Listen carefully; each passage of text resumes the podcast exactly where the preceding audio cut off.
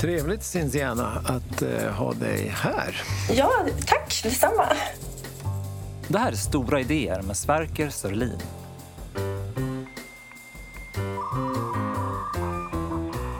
Fast du är, du är inte riktigt här. Eh, jag, här för mig är Stockholm, men du finns i Paris, eller hur? Det stämmer bra det.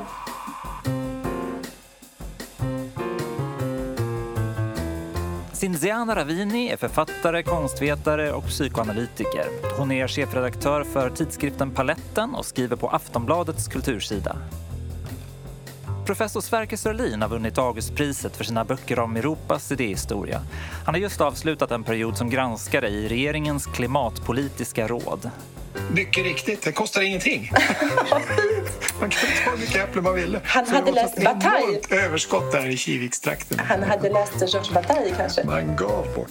Nej men precis. Nej, men, man, man måste i så fall inte se... Att, det viktiga tror jag är att man inte ska se slösaktigheten som en form av investering.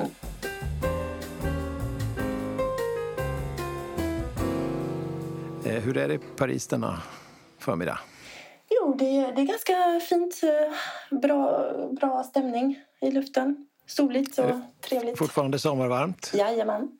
Ja, just det. Ja, här i Stockholm har det hunnit bli lite svalare faktiskt.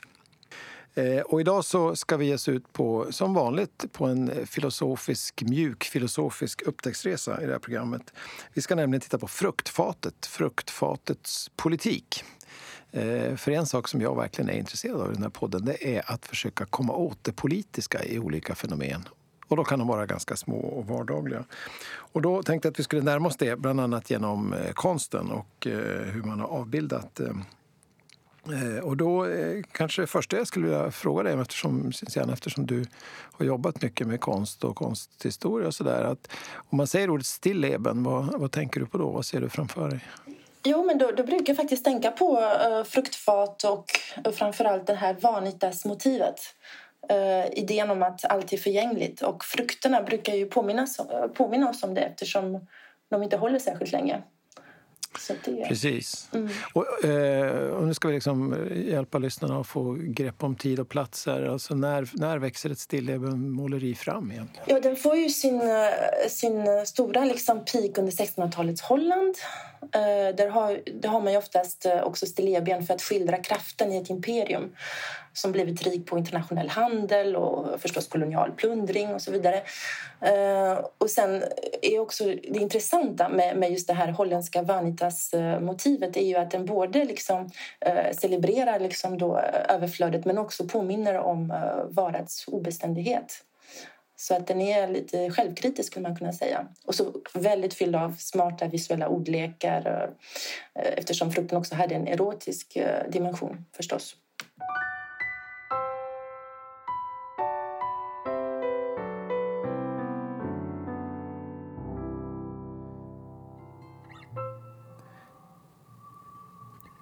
Exotisk frukt kom på allvar in i Europa i och med kolonialmakternas begynnande världserövring under renässansen.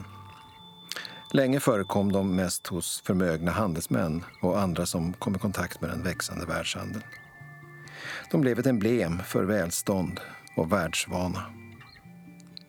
Att vi vet det beror bland annat på att exotisk frukt blev populär också i det samtida måleriet, ofta i form av stilleben men också en kolonial konst som fungerade som en visuell representation av de ledande europeiska staternas erövringar och rikedomar under 1500 och 1600-talen. Tropisk frukt blev dekorativa och överdådiga inslag i överklassens måltids och umgängeskultur. Ananas, hämtad från Karibien av Columbus, spreds i Europa och Nordamerika på 1600-talet och ledde till en formlig ananasfeber med galopperande priser. Märkvärdiga frukter fick med andra ord tidigt ett drag av lyx snarare än av livsmedel och blev bärare av social status. Den ryske revolutionspoeten Vladimir Majakovskij gisslade överklassen Ananas, Järpe, frossa och njut borgade snart i din sagas slut. Och orden och klassföraktet citerades med inlevelse i den svenska proggvågen på 1970-talet. Numera är exotisk frukt i var mans mun, åtminstone då och då. Och ett fruktfat syns ofta i samtida hem. Kanske särskilt när det ska vara bjudning eller lite extra fint. Fruktfatet som social statusmarkör har alltså aldrig helt försvunnit. Och kanske har den exotiska fruktens lyx rent av slagit sig samman med de exklusiva och upphöjda ambitionerna i modernitetens förståelser av åtråvärda ting som hälsa och ekologisk korrekthet. Jo, men alltså, du, du har fullkomligt rätt i det du säger. Alltså, det, den har ju en extrem politisk laddning, eh, fruktfatet. Självklart. Och, eh, och också en symbolik som eh, tror jag gått förlorad. Jag menar, citroner symboliserar den jordiska skönhetens eh, bedrägliga lockelser. Äpplen symboliserade ju synden. Eh, fikon symboliserade syndafall. Persikor däremot eh, har jag upptäckt nu symboliserade sanning och frälsning. Eh, Medan päron symboliserade trofasthet. Och jag tror alltså att det, att det var ganska kända koder som, eh, som folk kunde känna igen och känna sig smarta. Alltså när de betraktade konsten. Så har ju konsten eh, fungerat sedan eh, 1600-talet. Att det var ett sätt att kommunicera med betraktaren. Liksom. Och de som inte förstod koderna, det, det gjorde inte så mycket, tror jag.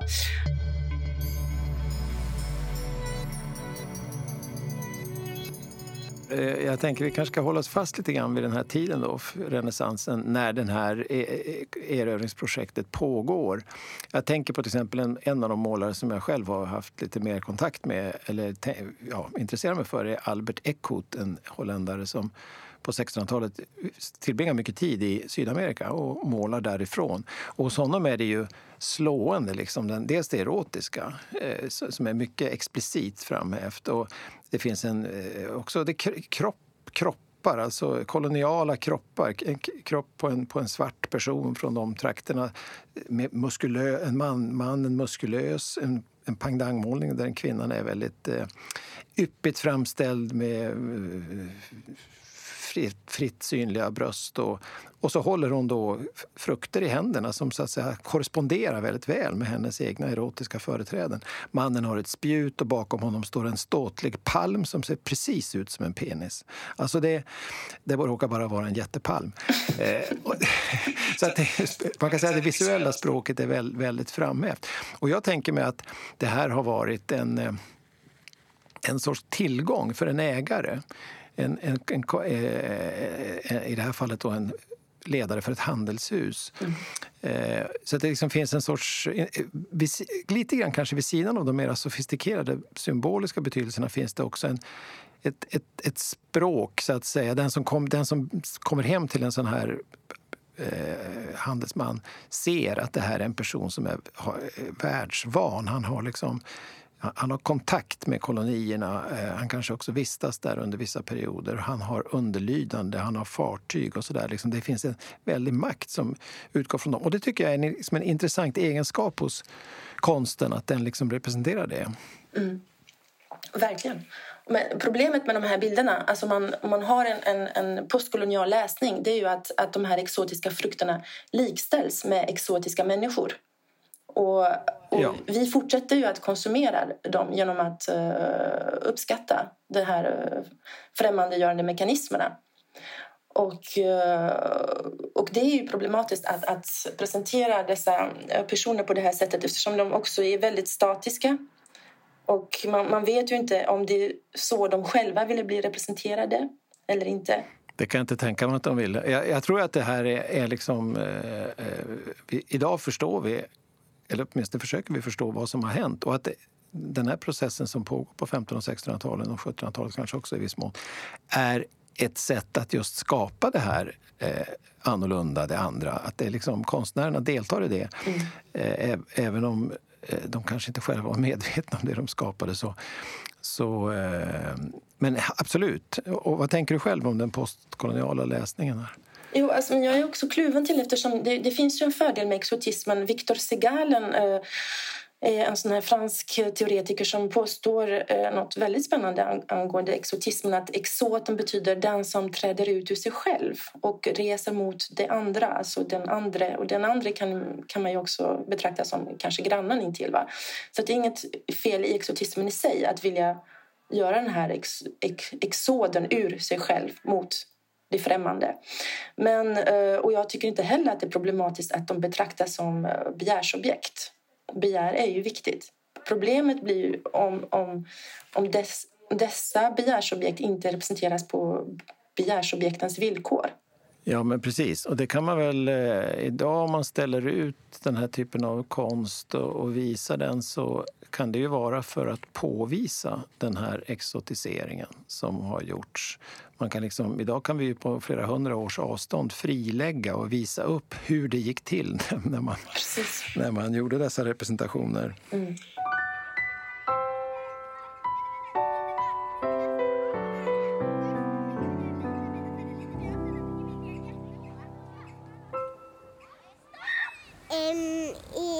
jag heter Airi och min favoritfrukt är mango. Eller jordgubbe.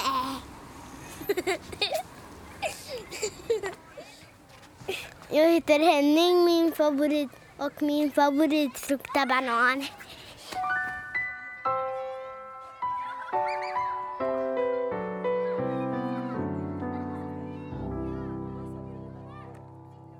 Jo, jag tänkte på en sak. Själva fatet. Eh, alltså att frukten i sig, den kan man ju också avbilda där den hänger. Så var det till exempel i Ekos målningar, vissa av dem, man kunde se i själva vegetationen hur frukterna dignade och sådär. Men, men att man skapar ett fat där de ligger, har du tänkt på det någon gång? Alltså att man ja, koncentrerar... jag tycker, ur ett psykoanalytiskt perspektiv så kan man ju säga att, att eh, det finns en skillnad mellan fruktfatet fatet då, som, som innehåller de här frukterna och ymnighetshornet som är mer fallisk och, mer explosiv. Och eh, det går inte att se innehållet på samma sätt så att man kan ju kanske, jag vet inte, betrakta fruktfatet mer som en, eh, en symbol för eh, det kvinnliga könet och ymnighetshornet för det manliga könet. Och, det kanske man kan. och man, man för ju oftast in en hand i fruktfatet för att ta frukten i fråga. Ja. Eh, det brukar ju vara mer statiskt. Ja. Eh, men medan ymnighetshornet är ju mer liksom att den, ja, den sträcker sig inifrån ut och så vidare. Men, jag beskriv gärna ymnighetshornet också, för jag har inte tänkt så mycket på det. Jag, jag har alltid uppfattat att det är något som snarare träder fram ur ymnighetshornet. Det liksom väller fram. Mm, det... det väller, precis. Det, det fanns ju en fruktbarhetsgudinna hos gamla romarna som eh, gick omkring med det här ymnighetshornet. Och det är som ett horn då, fyllt med frukt. Och det det är klart att det också symboliserar överflöd, liksom, men det är kanske ett outsinligt överflöd. Medan fruktfatet, ja, till slut så tar ju frukten slut. Va? Den är inte... Den ja, den föryngras inte på fatet heller. Förlåt? Alltså, I ymnighetshornet är frukten alltid färsk. På, på, fruktfatet måste man liksom ha någon som byter ut frukten för att det ska vara färsk. Alltså att det, den alstras inte av sig själv. Det var ingen dum uh, ja, iakttagelse där. Ja, precis. Den kanske är mer färsk, ymnighetshornet, än fruktfatet. Om man inte fyller på Ja, men precis. Och, och det, det, kanske är någonting med det där att fruktfatet, eh, du nämnde Vanitas tidigare, den här fåfängan, mm. och att det är förgängligt. Liksom, det, är förgängligt, att det, det, ska ruttna och, och gå Exakt. bort. Och ha, eh, helst ha lite flugor också som, som eh, svävar omkring. Och, ja. Och det är väl ett sånt där memento mori kanske, alltså att det så fungerar som en påminnelse om döden. Så att mm. även de mest framgångsrika har, har döden att se fram emot. det var fint sagt. På ett oundvikligt sätt. Mm -hmm. eh... Ja, precis. Där kan man ju fråga sig om alla är lika inför döden. Jag menar, liksom, om, om vi ska snacka lite religion och så där så eh, tror jag också att man måste påminna om att, att det är katolsk eh, Europa, alltså den katolska delen som fruktfatet får sin betydelse och inte den protestantiska. Men är du säker på det? Alltså jag tänker på en del aristokrati i Sverige. Vi hade inte någon jättearistokrati, men dock några. Om man tittar på, går på olika slott så, så tror jag att man även där var intresserad av att omge sig med objekt som visade världsvana. Mm. Skokloster till exempel, Wrangel, han samlade på böcker, han samlade på på eh, olika vetenskapliga instrument, vapen mm. Mm. och eh, han hade många målningar som han skaffade. Han, han, systematiskt köpte han och att det var långt upp till till Sverige alltså från kontinenten, det är klart att det var, men det var inte liksom oöverkomligt. Det gick att ha. Så att den här prestige faktorn mm. eh, hos konsten är ju ändå viktig, tror jag, även, även ganska långt norrut. Jo, men det, det, går att se på det lutherska på två sätt. Jag menar, den lutherska arbetsmoralen gjorde ju såklart att, att det var fint att vara rik för då visade man ju att man hade jobbat eh, ihop sina, eh, sina delar och att man var en, eh, liksom, en människa som, som hade ja, en hög arbetsmoral. Om man nu inte hade ärvt förstås sin, sina rikedomar. Men däremot så tror jag att man har en protestantisk syn på frukten idag när man till exempel inte tillåter sig eh, äta frukt eftersom de till, ja, innehåller för mycket eh, socker, har man upptäckt. Så det är många som inte som har en felläsning av Luther eftersom Luther var också en eh, alkoholist, och, eller alkis, ja, helt enkelt. Luthers Tischrede vet jag inte om du har läst. Bara lite grann, men han var ju en väldigt utlevande person. Exakt. En väldigt fysisk och sinnlig person. Exakt. Så du har ju rätt i det, att det finns mycket sinnlighet inom eh, protestantismen också, men man, man låtsas oftast inte om det. Jag tror att Luther personligen var mer sinnlig än hans förkunnelse. Exakt. Och det gäller att leva hans, som han, hans uttolkare. det kanske gäller att leva som han levde eh, och inte leva som han lärde. Mm.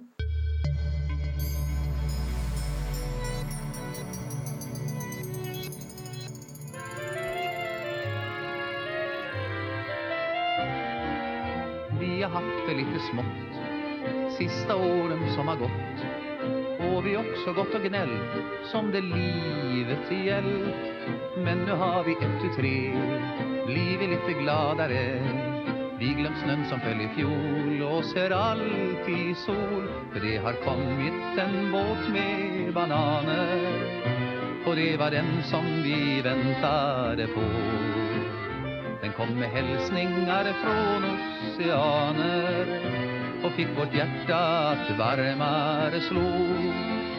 Nu kan vi återgå till gamla vanor och leva livet som fordomen gav. För det har kommit en båt med bananer Frukt och grönsaker kommer in på allvar i svenskt kosthåll genom smakfostran och import. Folkskolans lärare under 1800-talet skulle se till att eleverna odlade en lott vid skolan. Städernas koloniträdgårdar i början av 1900-talet fortsatte traditionen och utvidgade den med fruktträd och bärbuskar. Men efterhand blev det livsmedelshandeln som tog över mer och mer av frukt och bärhanteringen och importen. Mellankrigstiden blev en genombrottsperiod för exotiska frukter som apelsiner och bananer och det skapades särskilda importföreningar för frukt och grönsaker. Utbudet utvidgades och med det växande välståndet blev också de mer ovanliga tropiska frukterna tillgängliga för fler. På samma gång omdefinierades lyxemblemet. Eftersom frukt också betydde hälsa och sundhet fick frukterna en positiv laddning och kunde ingå som ett modernistiskt inslag i folkhemmets smak och stilrepertoar. Ungefär som nya idéer om barnuppfostran och funktionella kläder. De barn som fick melon till efterrätt under efterkrigstiden var moderna och deras föräldrar var med sin tid. Kanske var de också lite mer välbeställda än genomsnittet. Världshandeln var fortfarande grunden precis som under renässansen. Importen av frukt har ökat kraftigt ända sedan andra världskriget. Men vissa valörer i fruktfatets politik försköts samtidigt. Draget av lyx tonades ner, men inslagen av världsvana och status har bestått, fast i nya former.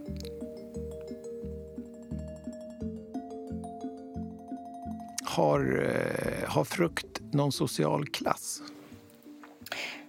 Det är en väldigt viktig fråga. Eh, jag tror att, eh, att alltså den miljömedvetna eh, människan idag föredrar bio, alltså vad heter det på svenska?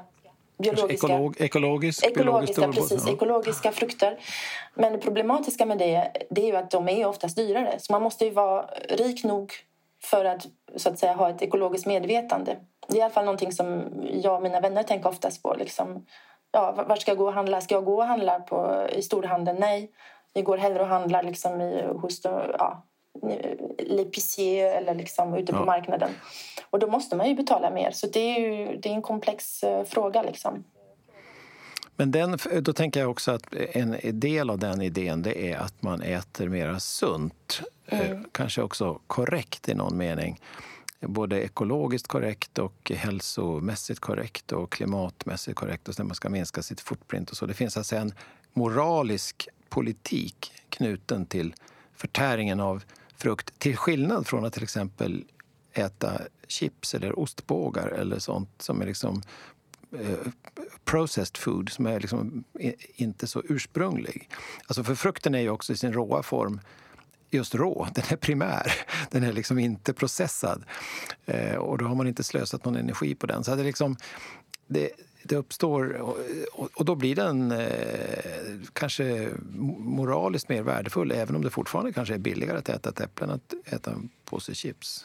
Alltså jag som levde mina tio första år under den eh, rumänska kommunismen, eh, kommunistiska diktaturen så, så var ju exotiska frukter så gott som obefintliga. Eh, vi åt kanske bananer och apelsiner en gång om året. Så där var det ju verkligen tabu att äta exotiska frukter eftersom de i så fall hade kommit från västerländska delar. Eh, I Sverige var det ju för mig alltså att upptäcka kiwin när jag, kom eh, till Sverige och kunna äta bananer när, när helst jag ville var ju eh, fantastiskt. Men eh, jag upptäckte också en annan grej, nämligen att många frukter eh, inte smakade lika bra som de gjorde i Rumänien eftersom eh, ja, man kan inte odla liksom, eh, marken är annorlunda i Sverige. Eh, jag, ty jag, tycker överlag att grönsaker och så vidare smakar mindre gott i Sverige än i Frankrike. Nu kommer jag få alla grönsaksodlarna emot mig. Men... Nej, men jag kan väl hålla med. Eh, Som tomater, en, helt enkelt. De smakar ännu mm. sämre i Norge, kan man säga. Men... nu får vi norrmännen emot oss också. Det får vi. Ja, men det, jag har inget emot att få norrmännen emot mig på den här punkten. Okay. Det, det, för det är ett bekymmer att de är så omogna, tomater till exempel. Ja. Det, det, snarast, det verkar också kanske som att vissa smaknormer eh, är knutna till nationella traditionella kulturer och så. Man kanske tycker om hårda tomater och ganska omogna äpplen och päron och så. Medan italienska tomater till exempel smakar oftast betydligt mer än, än nordeuropeiska tomater. Så, men, men det här med att frukten ändå har den här laddningen, att den liksom är bärare av olika typer av normer som kanske kan knytas till politiska ideal skulle väl ändå kunna vara intressant. Jag tänker också på att det blev, på 1700-talet blev ju import eh, lite grann tabu. Man försökte substituera så mycket som möjligt. Skulle man importera frön och växter till Sverige så var det egentligen för att kunna producera den riktiga produkten på hemmaplan så man, så man slapp kostnaderna för import. Och eh, kaffe och te var ju ett tag eh, förbjudna praktiskt taget i Sverige. Det var höga skatter och man, man, det var inte lämpligt att mm dricka det. När var det förbjudet? På 1700-talet, ja. Förbjudet kanske inte var. Men, men det, det, det, var, det, var, det var definitivt något som man ogillade därför att det var dyrt. Och, och, så dricka alltså, kaffe var en motståndshandling? Lyx, absolut. Det var, det var i alla fall eh, ett, ett, ett, ansågs vara ett, ett nationalekonomiskt problem.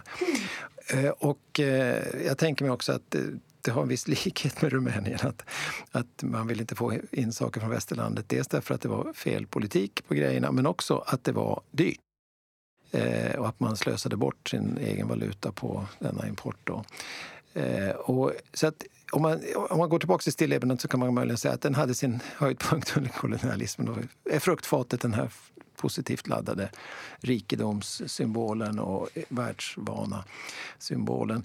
Och sen kommer liksom en, en tillbakagång för det här då man kanske mer koncentrerar sig på det inhemska och bygger upp den egna. Fokus ligger inte så mycket på erövring längre utan på in, industriell produktion och att man hittar metoder för att utveckla näringarna i de egna länderna och det tror jag gäller de flesta länder så blir liksom det, det hemgjorda får en, får, en, får en positiv laddning. Det vill säga frukt som, som växer i Sverige, till exempel äpplen, päron, plommon och sådär. Inte de mest exotiska, för de går inte att odla här.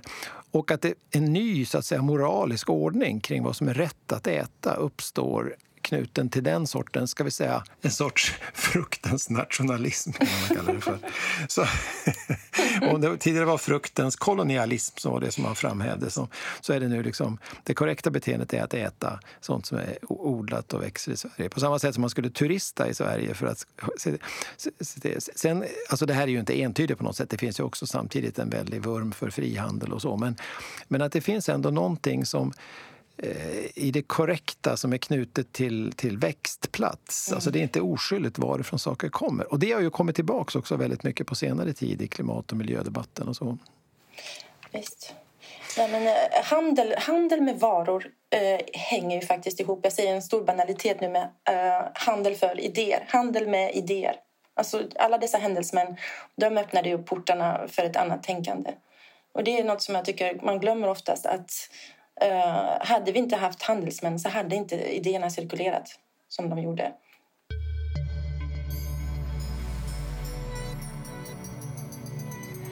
Ja, ska vi ta och bege oss till Rinkeby och kolla på frukt där? Det är Rasmus Malm som har varit ute för vår räkning.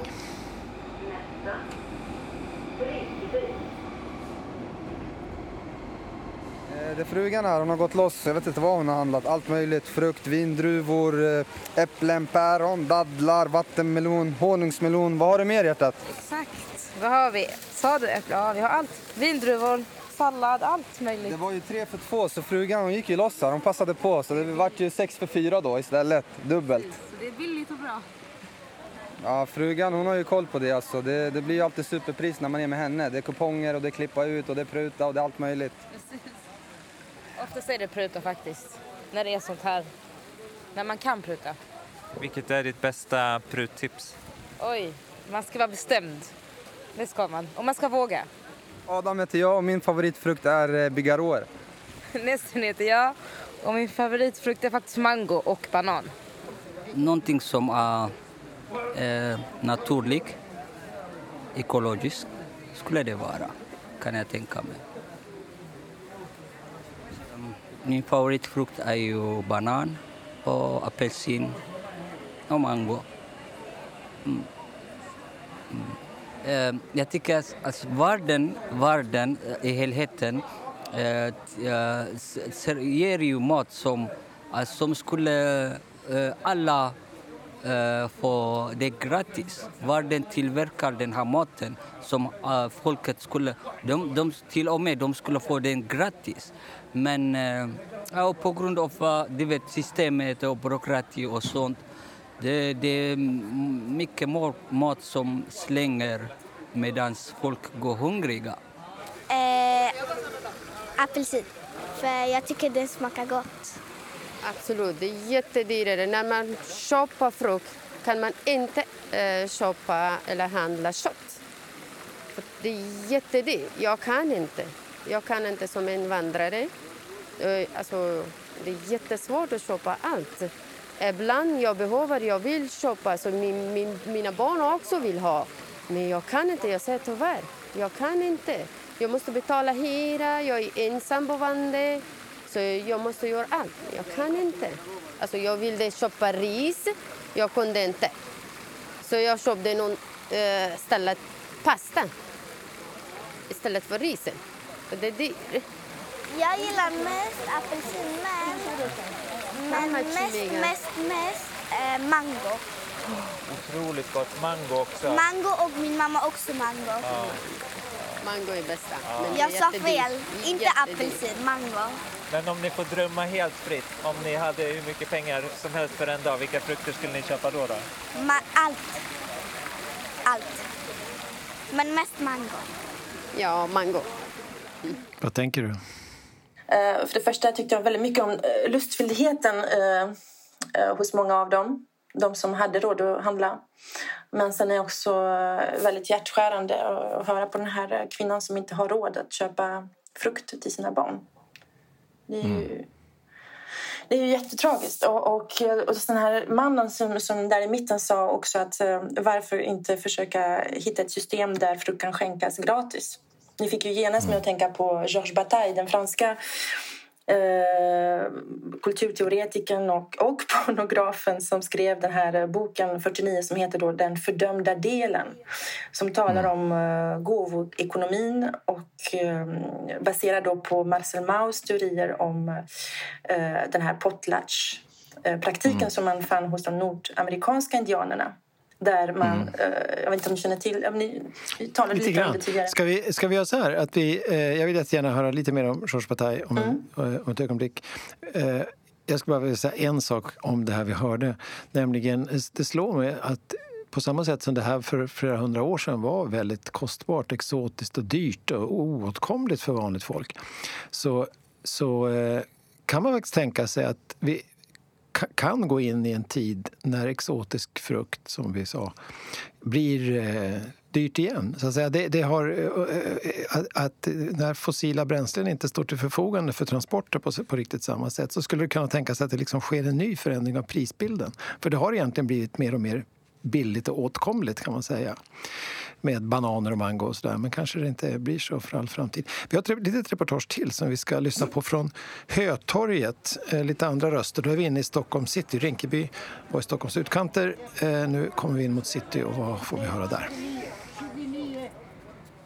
Fruktfat. Mm. Det första som kommer upp är mango. Eh, gärna jordgubbar, bananer, för att ta ner det sura. Mm. Eh, päron, äpple, banan, kiwi. Ja, ananas, ja allt. All frukt är god. Jag tror att det är ett bra komplement till kosten för det innehåller ju mycket vitaminer och mineraler och vi behöver färsk frukt. Mm. Eh, har du påverkats av prisuppgången på mat som har varit på sista tiden? Ja, lite grann. Jag tror man tänker till lite extra men eh, försöker hålla en bra kosthållning och eh, ja, laga lite storkok och så, så funkar det ändå tycker jag. Hur har det påverkat dina fruktinköp? Mm, nej, inte så mycket tror jag. Jag prioriterar nog det. Den frukten som är i säsong. Jag har faktiskt valt bort eh, allt annat och den som kommer långt ifrån också som till exempel mango och kiwi. Det blir att det är inte, lik, det är inte samma mångfald. Det är mer äpple, jag har lärt mig hur man ska förvara frukten eh, och jag tar mer hand om sådana saker som eh, björnbär nu till exempel. Ja, det är ju helt och hållet miljö, men sedan några månader tillbaka så är det faktiskt ekonomiska mm, tankar också. Banana and apple, apple banana, so mixture.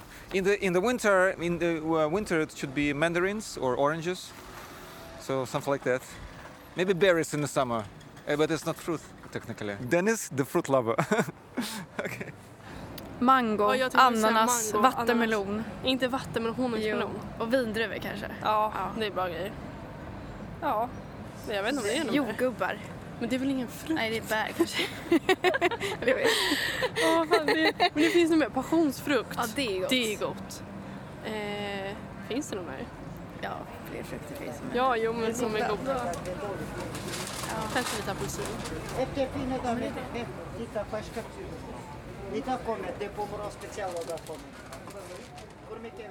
Ja, lite andra tongångar, eller hur? Ja, det kan man säga. Det kanske är inte överdrivet att hävda att dessa, de, de flesta av de här personerna verkar betrakta världen som ett fruktfat som de lätt kan plocka ur. Lite hur de vill. Ja. Medan den kanske inte har samma... samma ja, kanske man inte kan säga om det tidigare reportaget. På samma sätt. Nej, om man på nytt tänker på, på frukt och social klass kan man... Eh, jag tycker man hör att det är lite skillnader i prioriteringarna här vid de olika torgen. Verkligen. Att det var knapphet eh, hörde vi lite grann om och tuffa val och sådär. Men här är det kanske lite andra typer av val. Man, man, man har råd att välja ekologiskt till exempel. Och så. Eh, jag ska inte göra för mycket av såna här eh, egentligen ganska få röster men, men någonting säger det kanske ändå. Eh, eh, och eh, eh gåvoekonomi sa du tidigare. Ja, eh, alltså jag har ju alltid varit fascinerad av Bataille, eh, av den här boken som heter då Den fördömda delen. Eftersom eh, vad han gör, som är väldigt radikalt, det är att helt enkelt säga att det finns ett överflöd istället för brist i ekonomin. Att människan egentligen drivs av sitt överflödsbegär. Och att excess är då mänsklighetens öde. Liksom. Han uppmanar till, eh, till en form av slöseri. Va? Eh, nästan extatisk slöseri av, av pengar. Då kan man ju fråga sig, men då måste man ju vara ganska rik för att bedriva en sån gåvoekonomi. Ja, inte... Berätta först om Georges Bataille. Vem, ja. vem är han? Georges Bataille var alltså en filosof, en fransk filosof och pornograf faktiskt som har skrivit en del erotisk litteratur. Och också katol, katol, katoliker. Katol. Katolik? Mm. Katolik, mm. Katolsk tänkare Katolsk tänkare, precis. Mm. Som både eh, omfamnar katolicismen och driver med den, perverterar den. Mm. Oerhört komplex person. Och verksam i Frankrike. Ja. Och eh, vad, vad, han eh, in, säger till oss idag, eh, apropå detta, eh, det är att slösaktigheten, alltså att generositeten, vilja att släppa kontrollen, all, allt detta är värden som vi bör komma, komma tillbaka till. Eh, men behöver man vara rik för att bedriva en sån slösaktighet? Nej, skulle jag vilja hävda eftersom vad han tog upp då var de här nordamerikanska indianerna som, som gjorde så här. Att så fort de kände att nu har vi lite överflöd här i vår lilla by, jo vad gör vi då? Då går vi över till eh, nästa by och skänker lite av det vi har. Och det kan man ju alltid göra. Det, kan, det, kunde, det såg man ju också faktiskt i, i Auschwitz att många människor som kanske hade en, en liten choklad bit delade med sig i eh, absurdum så mycket de bara kunde med, med sina grannar. Så att det går att vara generös hur fattig och miserabelt man än lever. Mm. Och eh, jag tror att eh, det handlar om att, alltså, att både våga äh, ackumulera ekonomisk och symbolisk kapital, alltså både äh, varor och kunskap, men sen genast tänka på att skänka bort och dela mm. med sig så mycket som möjligt. Varför tänker sig Bataille att det är en bättre värld? Jo, det är där han har en, en ännu mer radikal tanke, nämligen att, att förlora. För det är det som sker när man skänker. Va? Att förlora mm. är en form av makt. Att avsäga sig begärsobjektet, som till exempel ett barn gör när mm. hon eller han ger bort sina leksaker, är en form av revolthandling, en form av frigörelse gentemot den andra. Och, så att den frigörelsen är det som gör världen bättre, att människor blir friare och får mer makt genom att ge bort det de har? Ja, det är paradoxalt. För att jag menar, då kan man ju säga, aha, men det är väl, eh, då blir man ju maktfullkomlig. Nej, inte om man, inte om man så att säga skänker på ett sätt, skulle jag säga då. Jag, jag, jag gick till Derrida där för jag tänkte att ja, men hur skänker man på rätt sätt då? Så att man inte ja. behöver liksom hamna i det här med att titta på vad jag ger. I någon form av mm. mecenatlogik va, som mm. blir självuppfyllande.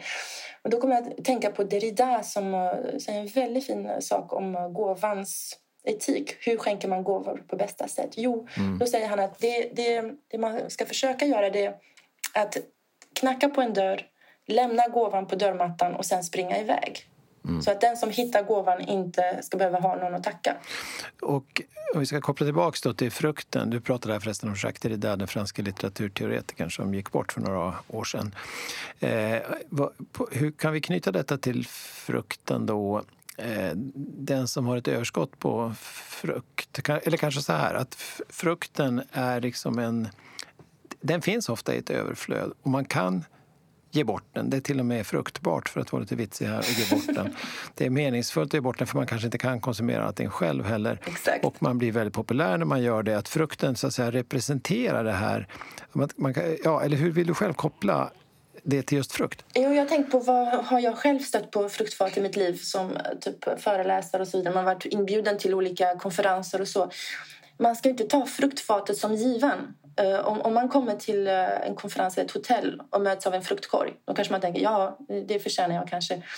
Uh, att kanske inte ta de här frukterna man ha, själv får för givna och som du själv sa precis här, att försöka skänka så mycket av det man har. Både, alltså öppna kylskåpet och se, behöver jag allt detta? Uh, hur ser det ut för min granne? Uh, kan jag knacka på dörren och, och, skänka lite av min mat här om jag nu... Måste jag lägga in den i massa plast... Uh, vad heter det? Förvaringsutrymmen och så vidare. Att, att helt enkelt lära sig att skänka utan att... Mm. Det kan man ju applicera på, på politiken också. Men hur, hur tog man sig ut ur kriser? Jag tänker på USA 33 när Roosevelt kom till makten. Vad mm. gjorde han för att ta USA ur, ur deras kris? Jo, han skapade New Deal Mm. Mm. man skapade också en annan sak, väldigt mycket hemodling. Man odlade Mm. upp sina backyards så i städerna och så. Alltså man eh, odlade frukt och grönsaker för att eh, klara subsistence, alltså att eh, man överlevde på det man hade. Mhm. Så att frukten har nog den här eh, dimensionen också, att vara en hjälp i nöden. Dessutom är det så att det är svårt att i det långa loppet förvara frukten, ruttnar och så. Och då är det faktiskt meningsfullt. För att få ut så mycket av den så måste den konsumeras under en ganska kort tid. Som hon sa här i inslaget, i säsong, när frukten är i säsong. Man måste då ha på den lite grann. Då är den kanske också lite billigare. Ofta. Jag kommer ihåg att eh, jag bodde i Skåne, i östra Skåne, i Tomelilla under ett år. Och där eh, utanför en av livsmedelsbutikerna där, jag kom från långt upp i Norrland, vi hade inga äpplen alls. Där fanns stod en hel kärra, en stor vagnslass med äpplen utanför affären. Jag tänkte, undrar vad de kostar när de ligger här framme. Folk kan ju ta det och gå iväg med. Mycket riktigt, den kostar ingenting. Man kan ta hur mycket äpplen man ville, för det var ett sånt enormt överskott där i Kivikstrakten. Han hade läst Georges Bataille kanske. Man gav bort. Nej, men precis. Nej, men man, man måste i så fall inte se... Att, det viktiga tror jag är att man inte ska se slösaktigheten som en form av investering Ja, eller som en form av självförverkligande. Att verkligen skänka utan att förvänta sig Mm. något i gengäld. Det tror jag är väldigt viktigt. Och Det är där kapitalismen också har någonting att eh, tänka på. tänker jag. Eh, Mm. För vad är det som, som kapitalister oftast gör? De tänker ju på eh, vinst. Vad tjänar jag på att skänka bort det här? Mm. Eh, Det är därför vi inte heller skulle jag säga har så väldigt, väldigt stor mecenatkultur i, i Sverige. jag tror i och för sig att det finns en del lite mer oegennyttiga mecenater också. Det kanske varierar lite grann, men det, det är nog också en prestigehierarki lite grann. Precis, de mecenater vi har de är verkligen alltså, altruister. För att de kan ju inte, det kanske har ändrats nu men det finns, man, man kan ju inte köra skatteavdrag på samma sätt som man kan göra i Frankrike Nej. exempelvis. Folk kan ju vara betydligt mer slösaktiga här och generösa eftersom det går ju... Här gör man stiftelser istället så man kan ta bort, använda 80 procent Ja. eh, av pengarna eh, utan skatt. Men, men eh, jag tänkte att vi har rört oss här tycker jag på ett väldigt intressant sätt från en väldigt exklusiv social elit där frukten, i, eh, inte minst i konsten, den exotiska frukten, representerar en, en kontroll och en erövring och en maktposition som man egentligen inte är beredd att dela med andra. Det här är inte till för folket. Liksom, det, här det är dekorativt som du sa. det är dekorativt och ornamentalt. Och, så. och sen har vi då hela vägen kan man säga rört sig ända ut till Georges Batailles gåvoekonomi där det den här potluck-kulturen från Pacific Northwest liksom, där ganska många eh, lokala folkgrupper använder det här. Till, en, en sorts egalitär skulle man kunna säga. Och eh, Eh, Mm. Också så det här broderlig och systerlig. Man, man, man förenas liksom på samma nivå eh, när man delar eh, ett överskott. Och sen blir det på något sätt också en underförstådd konsekvens av det. Det är att nästa gång det uppstår knapphet hos någon av oss så får vi hjälpa varann. Alltså man, man är beredd, alltså det finns en reciprocitet, en ömsesidighet i den här relationen genom att när man ger bort. Och, och det är liksom två helt olika typer av politiska idéer som, som förenas av den här frukten som, som står i centrum för dem. Eh, det tycker jag var faktiskt en liten erövring som vi har gjort i den här podden idag. Har du något som du vill tillägga? Eh, Jo, alltså, hur, hur praktiserar man detta? Jo, eh, jag tror att man glömde ett viktigt begrepp här. mm, Ehm, varsågod. de inre rikedomarna. Alltså det första är liksom att, att skänka av det man har som är osynligt. De inre frukterna, vad är det? Det, är- ju kärleken. Va? Eh, Det är för mig det enda som verkligen på allvar motstår kapitalismen. Eh, För att när man, när man älskar någon på riktigt, va? då förväntar man sig inte någonting i gengäld. Då ger man bara. Då tänker man på vad man ger istället för vad man får. Så jag tror att, eh, att vi bör alla försöka vara lite mer gåvoinriktade och tänka på då en icke-kontrollerad, kontrollerbar gåvoekonomi à la Bataille istället för en lönsamhetsorienterad man, I konventionella politiska termer, var stod Bataille? Var han en man till Han vänster? stod till vänster. Ja, han var faktiskt både vänster och katolik. En vänsterkatolik eh, och pornograf. Eh, det är intressanta kom- kombinationer. Intressanta Eh, borde att veta hur, kan man applicera, hur kan man applicera Bataille på kulturpolitiken. Men man kan, kan, om man nu skulle tänka vidare, är gåvoekonomin en vänsterpolitik enligt din uppfattning? Ja, det tycker jag. Eh, särskilt hos de som, som eh, förespråkar en konst för konstens skull. Alltså en konst, för det finns ju många, det har man ju också haft inom eh, socialdemokratin och också mer radikal vänster att inte tänka i lönsam, lönsamhetstermer. Mm, mm. Vad tjänar som... jag som institution eller människa på att ja. skänka och Tillgänglighet har varit väldigt viktigt. Konstfrämjandet och den typen av institutioner för att sprida det. Och kulturpolitiken i Sverige har ju väldigt hög grad varit en distributionspolitik. Yes.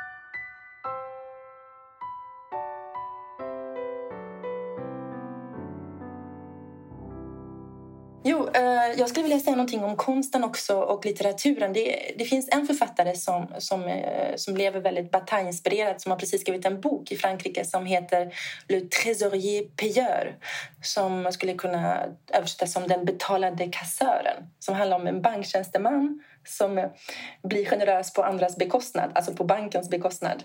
Mm. Och han är alltså både banktjänsteman och anarkist. Han håller ja, både på med räkenskap och välgörenhet. Och ni förstår ju själv, säkert själva vad han slutar med att göra, nämligen att skänka bort alla pengarna från banken. Det är en paradoxal filosofi.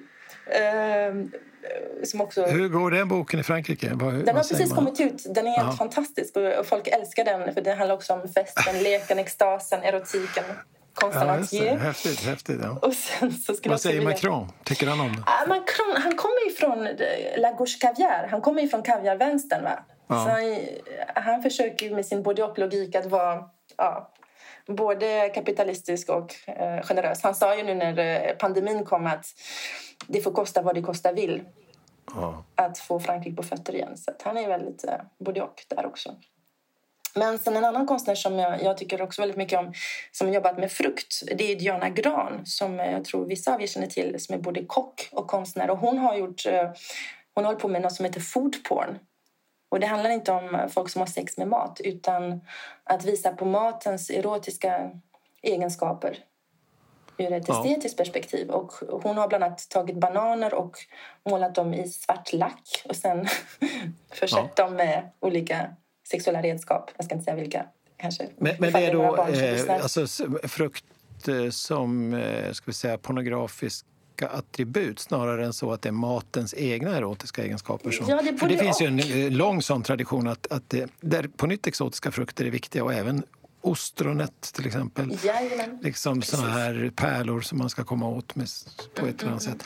Det är eh, drypande safter och såser. Och jag minns jag läste för många år sedan Peter Gays stora verk eh, som heter Education of the Senses mm. där han skriver i fem volymer om, om erotikens och eh, ja, sexualitetens historia. Och där ägnar han väldigt mycket uppmärksamhet åt mat och dryck. Mm-hmm. Alltså att liksom regin, den, den, den, erotiska, den erotiska regin är väldigt viktig och där är mat och dryck väldigt viktiga. Där tror jag också att frukt och liksom dessertfrukter och liksom överdåd, lyster och sånt där. Så, så att jag är tycker att Diana Grans... Var är Gran verksam? Diana Gran, ja. Precis. Titta på hennes eh, ja, fotografier av mat. Den finns på, på Instagram också på nätet. Hon har bland annat tagit en hummer och också målat i så svart lack och ja. sen försett hummern med handklovar.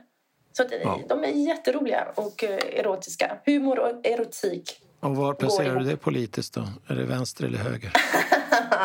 det är du. Ja, det, får du det får ni själva räkna ut. Det vågar jag inte säga. eh, Okej, okay. vi får mm. titta på humrar vidare. Mm. Ett särskilt avsnitt tror jag här yes. framöver. Eh, och eh, akvatisk, eh, akvatisk politik och yes. erotik.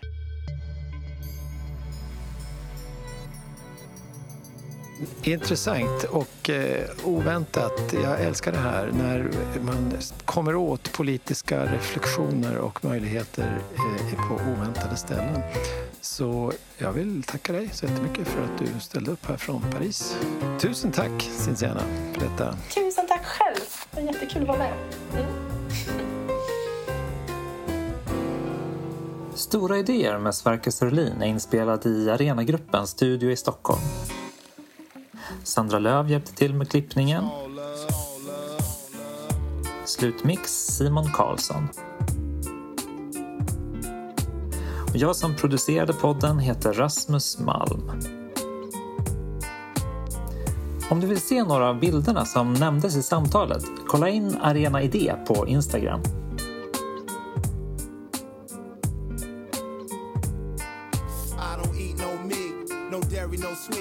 Only right vegetables, fresh fruit and whole wheat. I'm from the old school. My household smell like soul food, bruh. Curry falafel, barbecue tofu. No fish though, no candy bars, no cigarettes. Only ganja fresh squeezed juice from oranges. Exercising daily to stay healthy. And I rarely drink water out the tap cause it's filthy. Say You are what you eat, so I strive to eat healthy. My goal in life is not to be rich or wealthy, cause true wealth comes from good health and wise ways. We got to start taking better care of ourselves.